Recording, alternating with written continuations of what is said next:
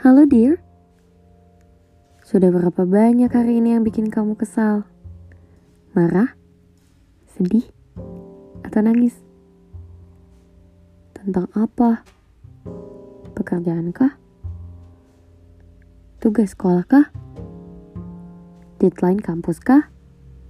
Atau si dia orang yang kamu sayang? Hmm, gak apa-apa kok. Sudah semestinya kalau di dunia ini ada si penyabar dan ada si pembuat onar. Kesal itu wajar, asal jangan dibawa sesal. Kamu kuat, semangat. Kalau tidak kuat, mana mungkin Tuhan mempertemukan kamu dengan orang-orang atau hal-hal yang membuat kesabaranmu hampir meledak. Boom.